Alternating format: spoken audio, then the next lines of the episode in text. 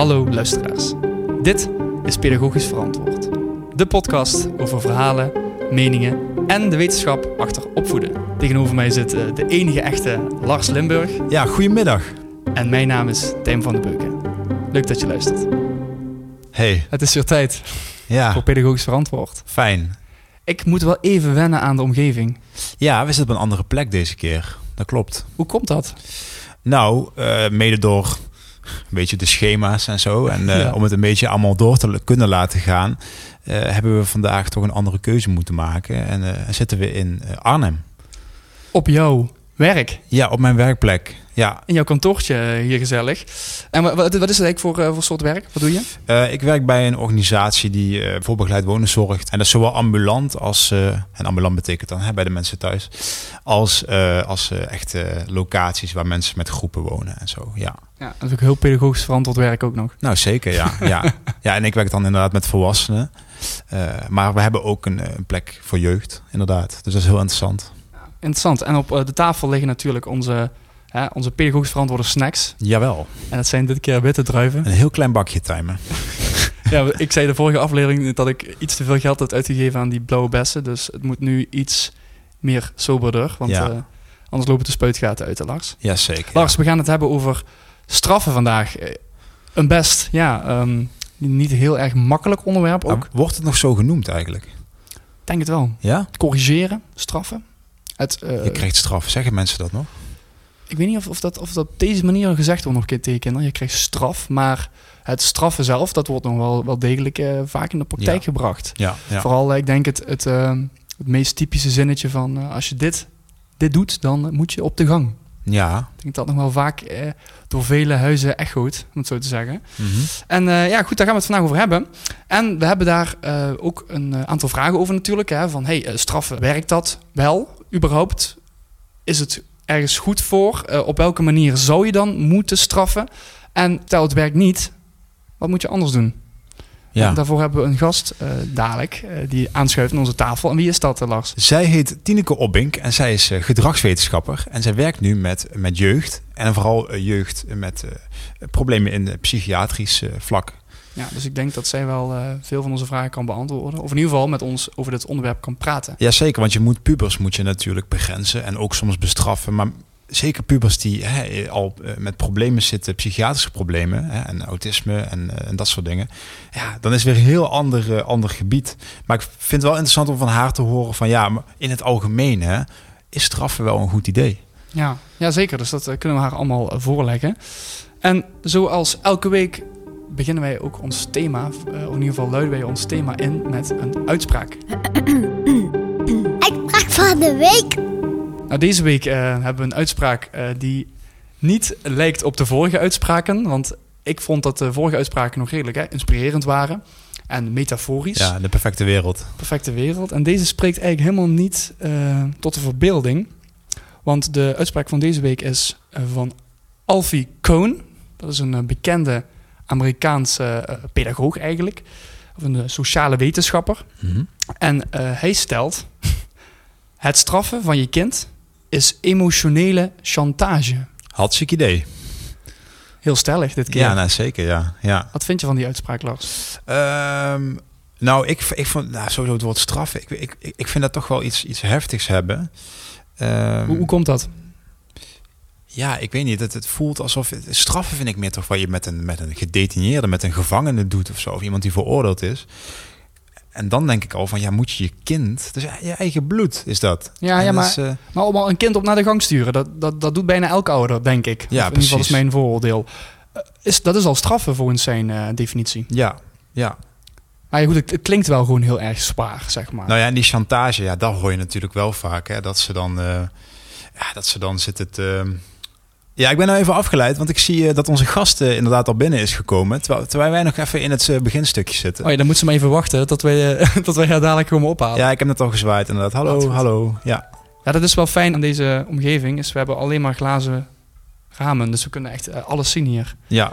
Maar wat ik dus aan het zeggen was, ja, wat hij zegt is, het is chantage. Ja, en dat, dat zie je in de praktijk toch wel vaak terug. Dat ouders grijpen naar, naar die methode van... eh, als jij dit en dat niet doet, krijg je iets niet... of dan krijg je negatief iets. Ja, ja, ja, want die uitspraak die heb ik eh, gevist uit het eh, boek Onvoorwaardelijke Ouderschap. Een heel bekend boek van hem uit eh, 2005. Dat heeft, in Amerika heeft dat heel veel gedaan. En dat is ook de laatste jaren is hij in Nederland heel erg populair aan het worden. Maar daarin zegt hij ook heel erg dat, dat wij straffen inzetten... dat wij de liefde voor kinderen eigenlijk inzetten als handelswaar.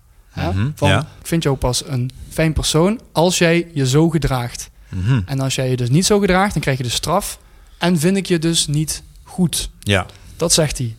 Is dat zo, Lars, denk jij? Ik denk dat, wel, ik denk dat er wel een kern van waarheid in zit, ja. Maar ik zou ook niet weten hoe je het anders zou moeten doen. Hebben jouw ouders het anders geprobeerd te doen? Anders dan eh, die harde, harde straffen? Ja, als ik iets moet verzinnen met anders doen, dan denk ik aan het, hè, het eh, democratisch opvoeden. Het autoritatief opvoeden, zoals dat wel eens wordt genoemd in ons eh, pedagogische vakgebied. Mhm. En dat wil eigenlijk zeggen dat je dus veel met jouw kind overlegt, veel met je kind praat. Dus heel erg veel probeert te verklaren waarom je bepaalde dingen doet. Van hè, eh, dat iemand dan eh, geslagen is of zo, of jij hebt iets, iets afgepakt van een ander kind. Ja, waarom heb je dat gedaan? En wat doet dat met de ander? Om Echt dat kind het laten inzien. Ja, maar ik Maar- heb ook wel eens gehoord dat mensen echt huisarrest gaven en zo. Ja, daar heb ik allemaal niet meegemaakt. Dus daar kan ik eigenlijk niet echt iets over zeggen. Dat, Heb jij nooit huisarrest gekregen, Lars? nee, nee, ik kan me niet... eh, ja, Fijne jeugd heb jij gehad. nou, ik moest, ik moest wel eens op tijd naar bed of zo. Maar ja, dat zag ik dan ook niet echt als een straf of zo. Nee. Eh, en dat autoratieve, wat jij, wat jij benoemt... Autoritatief. Autoritatief. Struikel er bijna overheen. Ehm, dat vind ik natuurlijk, dat is natuurlijk heel mooi. Maar waarom zou dan toch die straffen, eh, dat dat toch nog altijd terugkomt? Zelfs in deze tijd. Nou, ik denk, en dat zal ik dadelijk ook even aan Tineke vragen, ehm, dat het ook heel erg te maken heeft met geduld. Want ik denk dat dat constant met je kind in gesprek gaat en het constant dingen moeten uitleggen, dat het ook heel veel moeite kost. Dat lijkt me in ieder geval heel vermoeiend om constant daarmee bezig te zijn. En wanneer je bijvoorbeeld thuis komt van je werk, je bent moe, dan, ehm, je hebt de hele dag al moeten nadenken over veel zaken, je bent gewoon echt kapot. En dan komt je kind met allemaal conflicten en dan moet jij ook nog eens heel erg rationeel handelen en alles uitleggen en oh, dat is.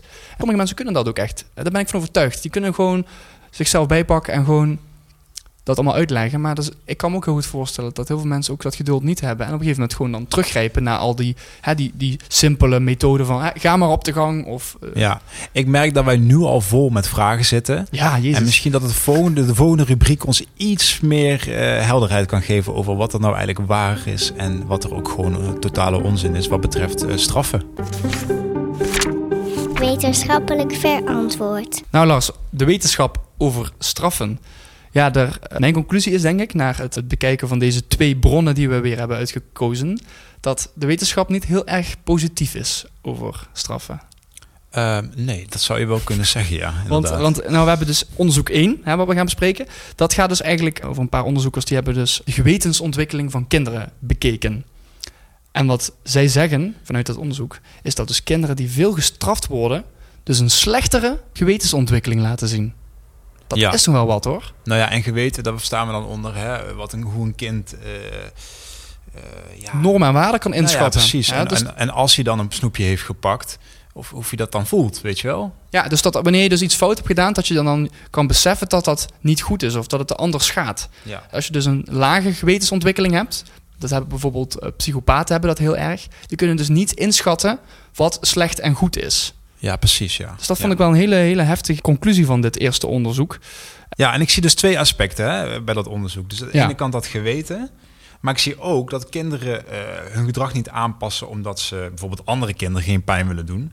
Maar ook omdat ze geen straf willen krijgen. Of eigenlijk juist omdat ze geen straf willen krijgen. Ja, exact. Dus dat, dat, zegt, dat zegt het onderzoek ook heel erg. Dus dat dus kinderen niet dingen doen omdat ze er zelf achter staan, omdat ze het niet leven, maar omdat ze dus bang zijn om die straf te krijgen. Ja. En dat is natuurlijk geen goede voorwaarde om ander gedrag te laten zien. ja, en dat vind ik interessant, hè? want die binding, waar ik, daar had ik het van tevoren al met jou over. Een kind moet toch een soort verbindenis voelen met een ander kind. En niet met het gegeven van ik word eigenlijk niet eh, gestraft als ik dit en dit doe. Ja, Dus precies. dat is heel interessant, ja. Ja. Ja. Ja, ja, en vaak hebben we dan twee onderzoeken die een beetje hè, tegenover elkaar staan of zo. Mhm. Uh, maar ik, ik zie toch dat het onderzoek 2, wat gewoon een bundel is over uh, de hersenontwikkeling van kinderen, uh, waarin diverse wetenschappelijke onderzoeken gekoppeld zijn, zie ik ook wel gewoon weer wat negatieve eh, resultaten wat betreft, ja, wat betreft straf van, van kinderen. Alweer. Dat is dus heel erg vanuit de psychiatrie beschreven. Het is heel erg van wat doet dat echt daadwerkelijk fysiek met het lichaam, die straffen geven. En hier staat dus ook dat een kind een time-out geven dus dat een soort isolering om dat kind dus creëert. Een time-out bedoel ik dus op nou de gang zetten. Net als bij de nanny. Hè? De nanny doet dat ook op tv. Ik weet niet of mensen dat nog kennen. Van, uh, ik weet niet of dat nog op tv is eigenlijk. Maar die, die zetten dan ook vaak samen met de ouders uh, een kind uh, op een stoeltje in de gang of zo. Zelf heel triest, ja. dat zag dat eruit. Maar, en uiteindelijk werkte dat natuurlijk dan. Maar hier staat dus eigenlijk die isolering... dat die fysieke pijn in het brein teweeg brengt zelfs. Ja.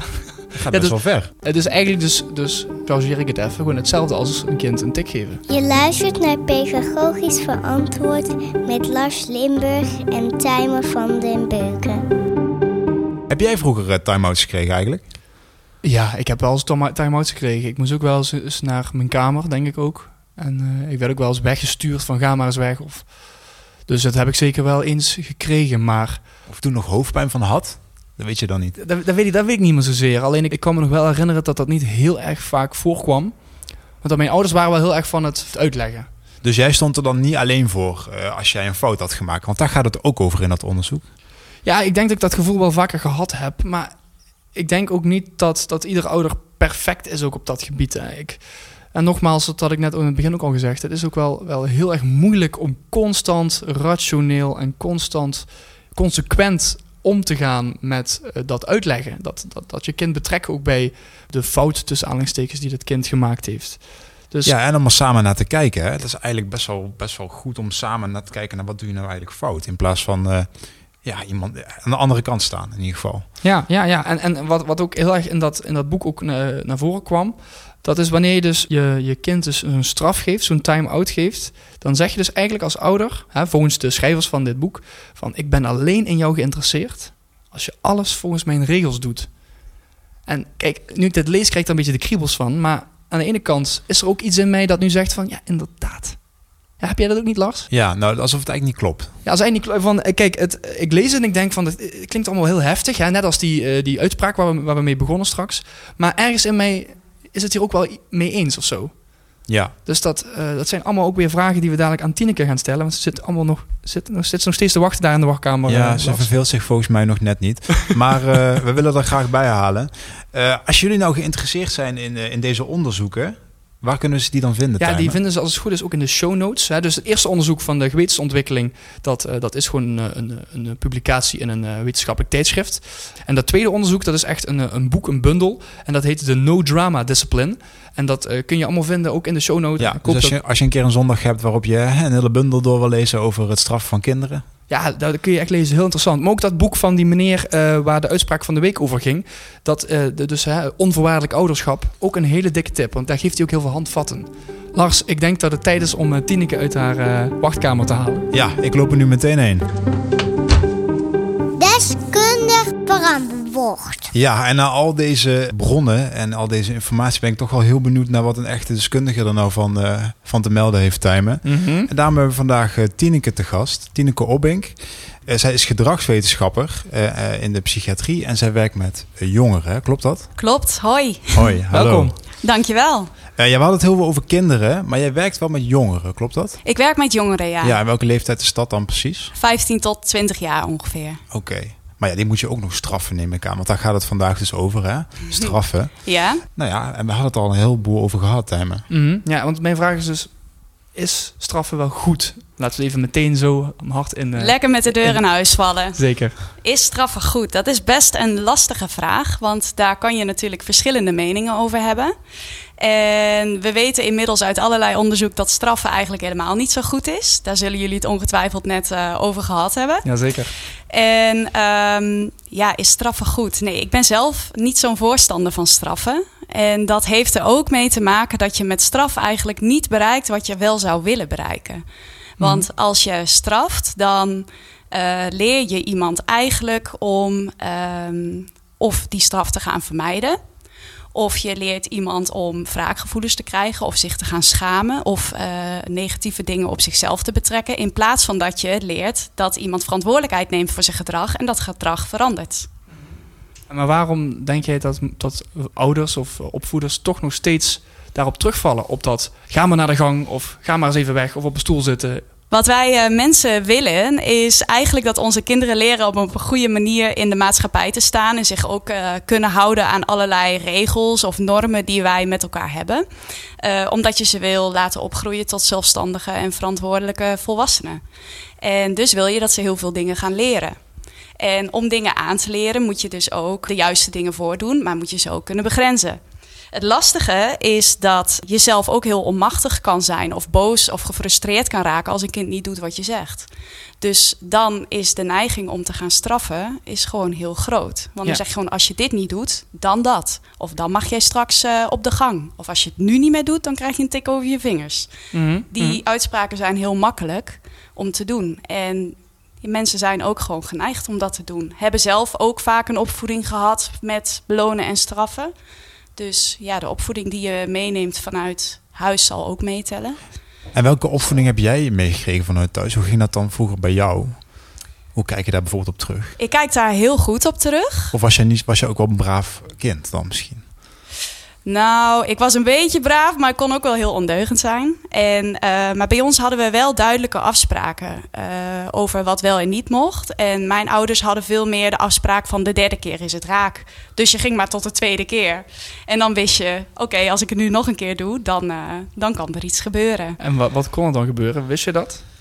Eh, dan mocht ik eh, geen snoepje, of dan mocht ik iets leuks niet meer doen. Of dan moest ik binnen blijven terwijl andere kinderen wel buiten konden spelen, zoiets. Ja, en die chantage, daar hebben we het ook over gehad, hè? Want, dat, Ja, want nou, dus zo klinkt het wel weer. Het klinkt wel weer als chantage. Is dat dan, is dat dan wel goed dat dat gebeurt?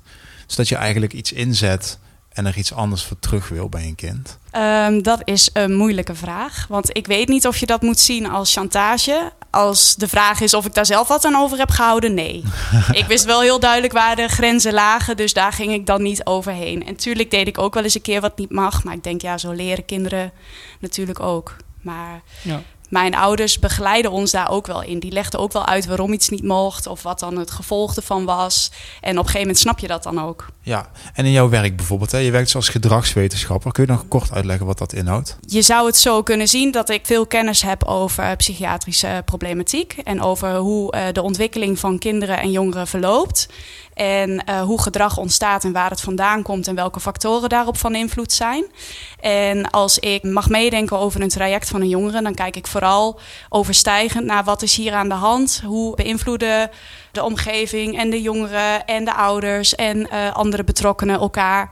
En wat kunnen we dan eh, constateren om, om iets aan te gaan doen? Ja, ja, ja. Ja, want de, de vraag die eigenlijk al de hele aflevering in mijn hoofd rondzuist, is eigenlijk van hoe moet het dan wel? Hoe moeten we wel onze kinderen corrigeren? Of hoe moeten we omgaan met negatief gedrag?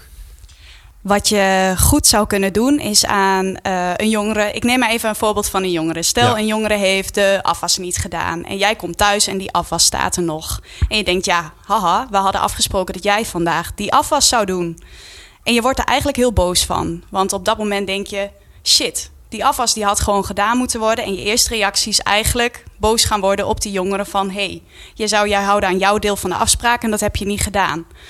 Wat je dan bijvoorbeeld ook kan doen, is zeggen: hé, hey, die afwas staat er nog. Ik word daar echt heel kwaad van. Dus ik verwacht van jou dat jij die afwas eh, gaat doen voordat je naar bed gaat. Heel erg benoemen van wat je voelt en, en Ja. wat, het, wat het ook met je doet ook of zo. Ja, je beschrijft eigenlijk wat je, eh, de situatie die ontstaat, want er ontstaat een probleem. Jij voelt iets, die ander voelt iets. Je hebt samen een afspraak gemaakt en die ander komt het niet na. Dus je benoemt eigenlijk wat het probleem is. Die afwas staat er nog. Je benoemt wat het met je doet. Ik word daar echt super pissig van. En je benoemt ook wat je van die ander verwacht. Want die ander wil je eigenlijk meenemen in de oplossing van het probleem. Ik vind dit zo'n goed voorbeeld. En wat het bij mij doet is, ik denk meteen aan vroeger, want ik heb dat, dat was bij ons was dat wel het grootste ding bij ons thuis van De afwas. van. Een rotklus ook. nou ja, we hadden de vaatwasser, maar die moest wel gewoon ingeruimd worden. En je moest Ja. ook wel in ieder geval beginnen met je eigen bordje. Vonden ze vaak bij ons thuis. Ja. Helemaal, helemaal terecht ook.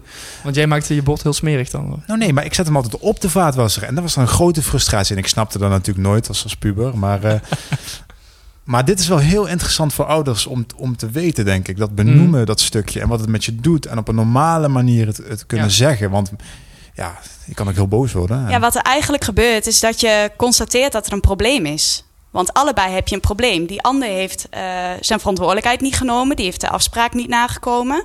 En jij balt dat die afspraak niet nagekomen is. Dus je kan eigenlijk gewoon constateren: oké, we hebben nu een probleem. We hebben een afspraak gemaakt, die is niet gelukt. Wat zou je kunnen doen om het op te lossen? Mm -hmm. En dan betrek je iemand anders uh, veel meer bij de oplossing van het probleem. In plaats van dat je gaat straffen omdat hij zijn verantwoordelijkheid niet heeft genomen. Want wat je eigenlijk wil, is dat uh, kinderen en jongeren leren om verantwoordelijkheid te nemen voor hun gedrag. En dat ze zelf ook gaan nadenken over wat de oplossing zou kunnen zijn. En op het moment dat je dat doet, um, leren ze daar ook voor het later in het leven, met allerlei voorbeelden kan je dit natuurlijk doen, leren ze veel meer om te denken: hé, hey, wat is mijn aandeel in de situatie geweest? Waar kan ik invloed op uitoefenen en hoe kan ik dat dan gaan oplossen? Zodat ik zelf tevreden ben, maar die ander ook. En wat je ook daarmee doet, is zorgen um, als iemand uh, zelf verantwoordelijkheid kan nemen en de situatie op kan lossen, laat je iemand ook zijn eigen waarde behouden. En respecteer je iemand eigenlijk in een volwaardig mens zijn. Mm -hmm. In plaats van dat iemand zich uh, schuldig moet gaan voelen of als boosdoener moet gaan voelen met alle negatieve emoties die daarbij horen. Ja, dat je een slecht mens bent of zo. Dat Precies. het echt op, op de man ook wordt gespeeld. Hè? Dat, dat is ook wat, wat, de onderzoekjes zeggen en ook wat al die uh, uh, wetenschappers ook naar voren laten komen. Is dat je die kinderen geef je door echt dat consequente straffen. Het idee dat zij er niet toe doen als ze dit zo oplossen of zo. Of dat Klopt. ze dit gedrag laten zien. Terwijl je wat, je, wat jij heel erg helder nu zegt, is dat jij echt het gedrag wel afkeurt, maar niet de persoon zelf. Je luistert naar pedagogisch verantwoord. Want als je het over het gedrag hebt in plaats van de persoon, kijk, iemand is iemand. Iemand is een persoon. Daar kan je niet per se heel veel aan veranderen. Nee, en nee. vaak is iets wat je doet. Kijk, als je het hebt over de afwas en uh, je ouders komen thuis en die zien die afwas staan, dan weet je zelf ook wel dat je een probleem hebt. Want eigenlijk had je dat moeten doen. Dus je weet van tevoren al dat je ouders gaan mopperen als ze die afwas zien. Ja, ja, en bij mij thuis was ook een blik al gewoon al meer als genoeg. Precies. Dus je, gewoon al, je zag al aan, uh, aan mijn, mijn, ouders dat het uh, tijd was. En wat deed jij toen? Wat deed ik toen? Ja, ik denk heel erg ontkennen. Zo van, uh, nee, nee. Er nee. is geen afwas. Nee, er is geen afwas. Want dat is wat er gebeurt. Hè? Ook als je uh, een situatie hebt en je gaat heel erg vragen van... goh, uh, waarom heb je dit niet gedaan? Dat is eigenlijk al meteen een beschuldiging. En dan moet iemand zich gaan verdedigen... Of iemand moet, zich, uh, moet het gaan ontkennen. Oh, dat heb ik niet gedaan. Dan komen de smoesjes. En... Juist. En eigenlijk uh, bereik je dan nog steeds niet dat het gedrag verandert. Want daarmee is de afwas nog steeds niet weg. Ja. En, als, en, en, stel, ik ben nou echt een lastig kind en mijn gedrag verandert gewoon niet. En, en ik heb ook gewoon een beetje scheid aan. Uh, ik zie het niet als mijn probleem. Ik zie het echt als het probleem van de ouders zelf, als kind. Hè. Wat, wat, wat moet je dan wel de consequentie benoemen? Wat je, nou ja, wat je doet als je uh, zegt, als je dit niet doet, dan volgt deze of deze consequentie. Dan spreek je eigenlijk van tevoren al uit. Ik verwacht dat die consequentie mogelijk gaat volgen. Dus hoeveel vertrouwen heb je dan ook in het oplossend vermogen van je kind? Dus wat je wel zou kunnen doen, is constateren: we hebben een probleem. Ik verwacht dit van jou en jij doet dat niet. Um, daar baal ik van of daar word ik verdrietig van. En ik kan me voorstellen dat het voor jou ook niet prettig is dat we steeds deze strijd voeren. Hoe gaan we het nou oplossen? Kunnen we uh, nadenken over mogelijkheden die ook voor jou en voor mij zouden werken? En denk er maar eens over na en doe maar eens een voorstel. Ja, ja het klinkt heel goed gewoon. Hè? Het benoemen, de, de realiteit eigenlijk gewoon beschrijven en, en echt, echt gewoon duidelijk zijn in, in wat, wat je wil en, en wat, je, wat je verwacht. Alleen even advocaat van de duivel um, dit klinkt wel als, als heel veel moeite. Ja, Je dat onderhandelen ook en zo, hè? Dat, Ja, maar kijk, ik kan me voorstellen bijvoorbeeld, stel je bent een, een, een ouder, je, je, je werkt, je komt terug van je werk, je bent Je bent kapot. moe. En dan inderdaad staat die afwas er. En, en ik, kan me, ik kan me voorstellen dat er ouders zijn die dan niet het geduld kunnen opbrengen om zo beschrijvend en zo, zo uitgebreid de realiteit te, te benoemen. Klopt. Wat moet, wat, moet je, wat moet je dan doen? Want het, ik denk dat heel veel mensen dit herkennen. Dus dat je echt kapot bent en denkt: Oh, ik, ik, ik weet dat het beter is om dit helemaal uit te leggen. En om echt hier even bij stil te staan, maar ik ben kapot. Nou, je hoeft het natuurlijk ook niet elke keer uit te leggen. Want ik kan me voorstellen, als ik zelf een lange werkdag heb gehad en ik kom thuis en uh, er moet nog van alles gebeuren, denk ik ook, joh, laat even zitten. Dus ik kan me dat ook helemaal voorstellen. Maar waar het om gaat is dat je het ook één keer uit kan leggen. En daarna daar afspraken over kan maken. En de volgende keer hoef je misschien alleen nog maar zeggen, te zeggen: hé, hey, de afwas. En dan weet je kind ook genoeg. Want die weet zelf ook wel dat die afwas daar staat. En die weet wel hoe dat opgelost moet worden. Ja, je maakt die Dus je hoeft het ook niet steeds te zeggen. Maar ik denk wel dat het, eh, het is een andere manier van reageren. Dus dat vraagt in het begin misschien wat bewuster bezig zijn met... hé, hey, wat zeg ik eigenlijk en eh, wat voor effect heeft dat? Maar ik denk als je dat vaker doet, eh, dat het ook een, een ja, nieuw patroon wordt of zo. En dat je dus veel minder strijd hebt. En al die strijd kost ook tijd. En daar zit je ook niet op te wachten na een lange werkdag. Dus dat voorkom je er dan wel mee. En ehm, straks vroeg je nog van... ehm, hoe zit het met eh, op de persoon en op het gedrag? En ik dacht, daar wil ik nog graag iets over zeggen. Want als je Ja. het hebt over gedrag, daar hebben mensen invloed op. Het gedrag gaat niet over wie jij bent. Dus jij als persoon doet ertoe, maar jouw gedrag kan niet. En daar heb je ook invloed op. Dus dat gedrag wil je eigenlijk dat het verandert. Ja, ja, dus daar heel erg de nadruk op leggen, inderdaad. eh. Ja. Oh, wauw, ja, goed. Ja.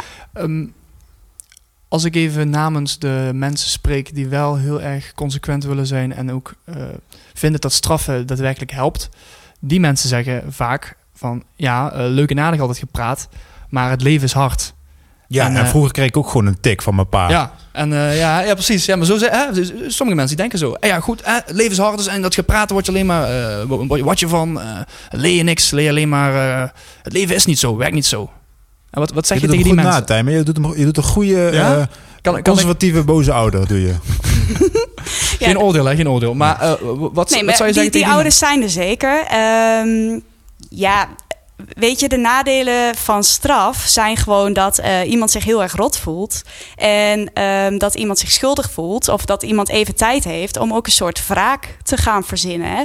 Want wat er, eh, wat er zou kunnen gebeuren als je zegt van nou ja, dan krijg je een tik over je vingers. Ja, iemand gaat alleen maar proberen om die tik over zijn vingers te vermijden. Maar daarmee heb je nog steeds niet het coöperatieve gedrag. Want je Mhm. wil eigenlijk dat iemand gaat meebewegen in wat jij wil. En meedenken ook. En meedenken, zeker. Maar goed, ik kan me voorstellen, dit is natuurlijk ook een manier van doen. Het moet ook bij je passen. Je moet dat ook willen. En het zou mooi zijn als meer mensen het op deze manier gaan zien. Omdat je gewoon merkt dat kinderen veel meer zichzelf mogen zijn. Zich in de waarde gelaten voelen. Minder afwijzing krijgen. Want je wijst iemand niet af. Van hé, hey, oh ja, jij bent ook altijd zo'n sloddervols. Of jij eh, kan ook niks goed doen. Of jij komt ook nooit je afspraken na. Nee, het gaat veel meer over je hebt dit niet goed gedaan. En dat kan je gewoon fixen Mhm. door je gedrag te veranderen. En waarom zien mensen het dan nog niet op die manier? Of veel mensen nog niet op die manier? Dat weet ik niet. Ik weet niet waarom mensen dat niet eh, op die manier zien. Maar ik kan me wel voorstellen wat je straks beschrijft, hè, van na zo'n lange werkdag. Ja, man, eh, wij zijn allemaal denk ik ook wel opgevoed met grenzen. En mensen vinden ook dat je grenzen moet stellen. En die moet je ook gewoon stellen. Want kinderen hebben ook duidelijkheid nodig en ook structuur nodig. En die hebben ook nodig dat, je, dat ze weten wat wel en niet mag. Dus je moet wel grenzen kunnen stellen ook. Ja, want ik denk dat je dat ook wel zo- zou kunnen benoemen als ouder. Bijvoorbeeld, je komt dan thuis en, en je, je ziet weer wat en je merkt dat je heel erg opgelaten bent en heel erg woedend wordt snel. Dat je dat ook, ook, kun je ook benoemen. Hè? Van eh, pap is, of, of pap of mam is, is ook, eh, heeft een lange werkdag gehad. Ik ben nu echt heel moe, dus eh, sorry dat ik misschien iets. Dat kun je ook, ook benoemen, denk ik. Precies. En kinderen leren daardoor ook heel erg dat emoties voelen of dat ehm eh, de jus een beetje op is na een lange dag, dat het heel normaal is. Want dat hoort ook bij het leven. Ja, dat een ouders ook mensen zijn. Juist. En consequenties ervaren van gedrag hoort ook bij het leven. En benoemen wat die gevoelens zijn, hoort ook bij het leven. Je kan zelfs ook tegen een kind zeggen: eh, Goh, ik zie dat jij boos wordt. Hè? Het is ook niet leuk dat jij lekker zit te spelen en jouw zusje wil met hetzelfde speelgoed spelen. Dat is niet leuk. Maar slaan doen we hier niet. Dus hoe kun je er nou voor zorgen? Hè? Hoe kunnen we nou samen iets afspreken? Wat je de volgende keer kan doen als je zusje ook met dat speelgoed wil lijkt me spelen. heel mooi dat je dan inderdaad betrokken wordt als kind in zo'n, eh, ja. Ja, want je benoemt dan het gevoel. Je erkent dan ook, hé, hey, ik zie dat jij boos bent. Dus er is ook begrip over voor, hè, eh, ja, jij wordt boos. Is ook heel logisch. Als jij lekker met die zit te spelen en je zusje wil daar ook in één keer mee spelen. Nou, daar word je ook een beetje boos van. Ehm, dus als je dat gevoel erkent, dan zakt de emotie bij een kind ook. Een kind leert ook, oké, ik voel me even boos. Maar dat kan ook weer zakken, ik word begrepen. En dan kan je ook weer samen makkelijker over die oplossing nadenken. Maar het is wel, ja, het, het is wel, het vraagt even energie. Je luistert naar pedagogisch verantwoord. Nou ja, een ander voorbeeld. Zo had ik een tijdje geleden een gesprek met een jongere die eh, s s'avonds gewoon laat thuis wil komen. En wij eh, op de groep hebben wij een aantal regels waarbij dat dus niet kan, omdat we ook veiligheid willen bieden voor jongeren en daar ook afspraken over zijn. En op een gegeven moment hebben wij ook eh, met die jongeren gezeten van goh, we hebben nu gewoon een probleem. Jij wil dit en dit. Eh, wij maken ons zorgen als jij s'avonds weg bent. Dus wij willen dat je dan in de woning bent. Eh, denk eens mee. Hoe kunnen we hier nou het beste mee omgaan? Want Ja. dit werkt niet. We hebben er constant strijd over. We gaan niet steeds met jou het conflict aan.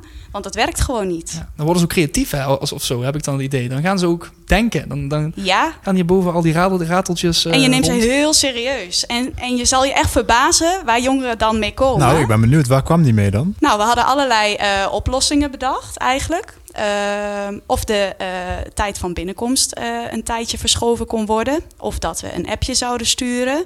Of dat we eh, een alarm op de telefoon zouden doen. We hebben nagedacht over één avond in de week laat thuiskomen. Eh dit waren allemaal opties die de jongeren zelf had bedacht. Nou ja, Mhm. we hebben die eerst allemaal bekeken en vervolgens gezegd: oké, dit kan wel, of dit vind jij het beste optie. Dit vinden wij de beste optie. Oké, en we zijn ergens in het midden uitgekomen, namelijk dat wij eh, de eindtijd wat versoepeld hebben. En dat hebben we ook uitgelegd naar de andere jongeren die er wonen. Dus dat is nu prima en we hebben er gewoon geen strijd meer over. Ja, ja, dus jij ervaart echt een positieve uitkomst van, eh, van, deze, van deze methodiek eigenlijk. Ja, Nou ja, en gesproken over methodiek, je haalt natuurlijk nu heel veel uit je eigen inzicht en uit je kennis die je hebt opgedaan hè, in je studie en, en in de praktijk. ja. Maar je zei ook nog, ik heb toch wel een mooi boekje liggen wat ook nog eh, er iets over zegt. ja, een vriendin van mij die werkt echt met jonge kinderen. En die Hoe, had hoe jong? Ehm, tot de leeftijd van vijf jaar. Dus dat zijn echt jonge kinderen. En zij raden mij een boek aan. Zij werkt met een methodiek. ehm, eh, waarbij ze heel erg coöperatief met eh, kinderen werkt. Dus ze wil kinderen echt al van jongs af aan uitleggen: hè, waarom doen we dit? Of dit doen we hier niet, waarom niet? En eh, wat dan wel verwacht wordt. Ehm, en dat boek heet How to Talk to Kids. Ja, en zij heeft simpel, ja. ja, heel, heel erg simpel. En zij heeft mij dat boekje aangeraden en ik heb het gelezen. En het sluit heel erg aan op eh, hoe ik over straffen denk, of consequenties of begrenzen, eh, belonen. En het is echt een heel erg leuk boekje met heel veel praktijkvoorbeelden, waarin heel duidelijk eigenlijk in Jip en Janneke beschreven staat hoe je kinderen kan meebewegen. Oké, dus dat is wel een, een dikke tip voor, eh, voor ouders of opvoeders die, Zeker. Eh, die hier meer over willen lezen ook. En eh, ik geloof, want je deed het boek net even open. Het was ook heel visueel ook uitgelegd. Ook, Ja, er staan eh, korte stripverhaaltjes in, eigenlijk met voorbeeldjes. Er staan bijna alleen maar voorbeelden in van ouders en kinderen en jongeren. Mhm. Eh, met name kinderen moet ik zeggen. Voor jongeren, eh, pubers, is het natuurlijk weer net iets anders. Ja. Eh, die kan je ook nog wat meer verantwoordelijkheid geven in het meedenken over problemen oplossen. Maar er staan gewoon heel veel leuke voorbeelden in. En ik las het boek zelf echt zo weg. Ja. Ehm, maar ik denk alle ouders ook. Oké, ja, nou, dikke tip. How, how to talk to kids. Met 2 is dan een cijfer, het cijfer 2. En eh, ja, we zetten het in de show notes dan, hè? ja, dat ja, ouders dus dan het, kunnen eh, mensen hem sowieso vinden. Zeker. Ja, het is van Helene de Hertog en je kan het gewoon online bestellen. ja, ja, je bent verder geen reclame, maar dat is gewoon echt wat je Geen echt- reclame, maar dit boekje vond ik echt wel Ja. heel interessant. En eerlijk gezegd haal ik er soms ook wel wat tips uit hoor. Denk ik, Ja. oh ja, zo kan je het ook bekijken. Ja, Ja. Mooi, Ja. mooi. Maar dat is ook deze podcast. Hè. Dus gewoon informatie zenden, inspireren. En als je, als je er iets mee kan, doe er iets mee. Anders niet. Maar allemaal gewoon vrijblijvend. Ik, Ja. vind, het, ik vind het wel leuk in deze tijd ook. Dat je gewoon eh, van alle- allerlei kanten kun je verschillende informatie tot je nemen. En dat kan, wie weet je, je, je opvoedstijl of je manier hoe je naar de wereld kijkt eh, verbreden. Ja, nee, precies. En ik heb al wel veel dingen gehoord waarvan ik denk, ja, daar had ik er nog nooit zo over nagedacht op die manier. En, Precies. eh, en dat is toch wel heel interessant. En ook denk ik dat mensen uiteindelijk op deze manier minder moeite hoeven te doen. Voor, voor, hè, om hun kinderen eh, mee te krijgen. Uiteindelijk denk ik wel. En ik denk ook dat het veel leuker is. Want je krijgt gewoon veel minder strijd. En je leert gewoon heel goed kijken naar je kind. Wat heeft mijn kind nodig? Verplaatsen in, hey, wat betekent dat voor hem of haar? Maar ook voor jezelf. Ik denk dat het echt een opluchting kan zijn... als je veel meer eh, eh, oplossingsgericht kan kijken. Ja, ja en als je, al- als je kinderen dat al van vroeg af aan meegeeft, ja, dan hoef je inderdaad uiteindelijk ook minder te zeggen. Want kinderen denken van, vanuit zichzelf al mee. Ja, Dus en worden, worden ook vol, verantwoordelijke volwassenen eigenlijk. Want dat is wat je uiteindelijk wil. Je wil dat een kind leert om zelf op een goede manier in de maatschappij te staan en zichzelf goed te kunnen redden. En ik denk dat je dat heel erg ehm, stimuleert door op deze manier eh, respectvol met elkaar om te gaan. Ja, en in de toekomst, eh, Tineke, zijn er dan nog straffen überhaupt? Ehm, dat weet ik niet, want ehm, er zullen natuurlijk altijd eh, mensen zijn die van mening zijn dat straffen wel heel goed werkt. Nu, met alle kennis die we nu hebben, zijn we heel erg vanuit het coöperatieve aan het kijken. Ik weet niet of straffen ooit verdwijnen. Maar we ik hoop doen- het wel. Ja, we doen er alles, alles aan. En jij natuurlijk ook in je werk om, eh, om zoveel mogelijk mensen eh, ja, inzicht te geven over eh, wat, hoe het anders kan. Ja, nou ja, en dat maakt dit onderwerp ook zo interessant. En dat maakt het ook interessant om, om eens te horen hoe je er ook naar kan kijken, denk ik. Ja, en daar wil ik jou, eh, ik denk ook namens Lars, ook eh, heel veel succes mee wensen. Dankjewel. Want eh, ja, ik denk dat dit een hele mooie conclusie is voor, eh, voor deze vierde aflevering van, uh, van Pedagogisch Ja, en niet alleen ouders. Hè. Ook als jij gewoon, weet ik veel, als je 17 bent of zo... en je ziet een kind op straat iets doen... kun je ook gewoon uitleggen van... ja, misschien is dat geen goed idee, want dat en dat en dat. In plaats van... jij mag dat niet doen of naar de ouders gaan en van eh, uw kind doet dit en dat of zo. Wat we heel vaak doen is zeggen wat je niet mag doen. Je kan tegen een kind zeggen niet laten vallen. Of je kan tegen een kind zeggen goed vasthouden. hey, dat is een mooi einde. Dat is, ja, echt precies. Ik heb, hem- ik heb hem eh, te kort geëindigd. Tineke, bedankt. Graag gedaan. Leuk dat ik eh, hier mocht zijn. Luister naar Pedagogisch Verantwoord met Lars Limburg en Tijmen van den Beuken. Tineke heeft inmiddels eh, de kamer verlaten. She left the building, yes. Lars, ik vond het super interessant. Ik wist echt op het begin van de podcast, hè, ook in deze vreemde omgeving en met dit best wel eh, heftige onderwerp, niet zo goed wat ik moest verwachten. Maar eh, ik heb echt veel geleerd. Wat heb je geleerd? Ik heb wel echt een heel ander beeld gekregen van hoe het ook anders kan. Ja, ik, tuurlijk, ik, ik weet wel, ook vanuit mijn opleiding, dat het beter is om dingen uit te leggen. Om met kinderen te praten over dingen, zodat ze bewust worden van wat er is gebeurd. En niet omdat ze alleen maar bang zijn om te straffen. Maar zij gaf zo'n concrete voorbeelden, dat ik daar wel weer heel anders over ben gaan nadenken. Nou, dat en dat coöperatieve, hè? Zo, Ja. zo spreek je dat uit, toch? Ja, het, is het samenwerken. Het samenwerken met je, met je kind. En toch, inderdaad, wat ik ook op het einde zei... volgens mij levert dat je meer op dan, eh, dan dat, dat, dat het moeite kost... om een, eh, om, eh, om een kind maar te zeulen en te trekken. Hè? Gewoon, we hebben allebei een doel. Ja. Zo dat, dat voor je houden. Ja, ja ik, eh, ik eh, kijk er met een, eh, een positieve blik op terug. Zeker. Ja, ik ook. Nou Lars, moeten wij nog mensen bedanken uiteindelijk? Nou ja, ten eerste natuurlijk, voordat ik het vergeet... Erika, die de foto's heeft genomen vandaag. Heel ja, fijn. dat, is gewoon een medewerker hier van jouw werk. Ja, en die heeft de foto's even genomen. Wat super, super geweldig dat mensen zo meedenken en mee, eh, meehelpen ook. Samenwerking, coöperatief. Ja, zeker, zeker. Verder willen wij nog bedanken natuurlijk Tineke Obbink... de gedragswetenschapper en onze gast vandaag. Ja, Heel mooi verhaal. En eh, ja, ik, eh, ik zou zeggen, eh, Lars, ik zou jou willen bedanken voor al de vier podcasts dat ik samen met jou hier aan het knallen ben, zeg. Ja, Ja, lachen ik heb me al zo goed vermaakt. En ik wil natuurlijk ook jou bedanken, luisteraar, dat jij weer hebt geluisterd. Of misschien voor de eerste keer, dat kan natuurlijk ook. Dan zou ik ook willen zeggen van, luister ook, ook eh, onze andere afleveringen. hè. Ja, en geef feedback. Hè, want we krijgen nou zoveel leuke feedback binnen. Ja. En ook gewoon nuttige feedback waar we mee kunnen iets weer Ja. verder. En Lars, weet je wat ik ook nog heb gehoord? Dat wij onze 500ste luisteraar hebben bereikt. Wauw. Ja, dat is echt niet normaal. Ik, Jeetje. ik, vond echt, eh, ik vond het echt mooi eh, om dit te zien. Niet zozeer dat ik het per se doe voor de cijfers, maar het, eh, het is, ik vind het wel echt leuk dat we steeds meer mensen bereiken. En, eh, en abonneer je ook op je favoriete podcastkanaal. Eh, dat kan natuurlijk gewoon via Spotify nu ook tegenwoordig, hè Lars? Geweldig. Dat dus- heeft iedereen toch? ja, bijna iedereen is Tussen Spotify. die eh, muziek door af en toe even een podcast opzetten. Even wat pedagogische, opvoedkundige inhoud. Ja, Kan en we zitten op. Instagram en op Facebook. Dus je kan ook ons op social media gewoon vinden. En mocht je nou een vraag hebben, of een pedagogisch onderwerp weten, zoals straffen vandaag, Laat het weten. laat het weten. Ja. Nou, mensen, nogmaals bedankt voor het luisteren. En eh, blijf zoveel mogelijk Pedagogisch verantwoord. tot de volgende keer.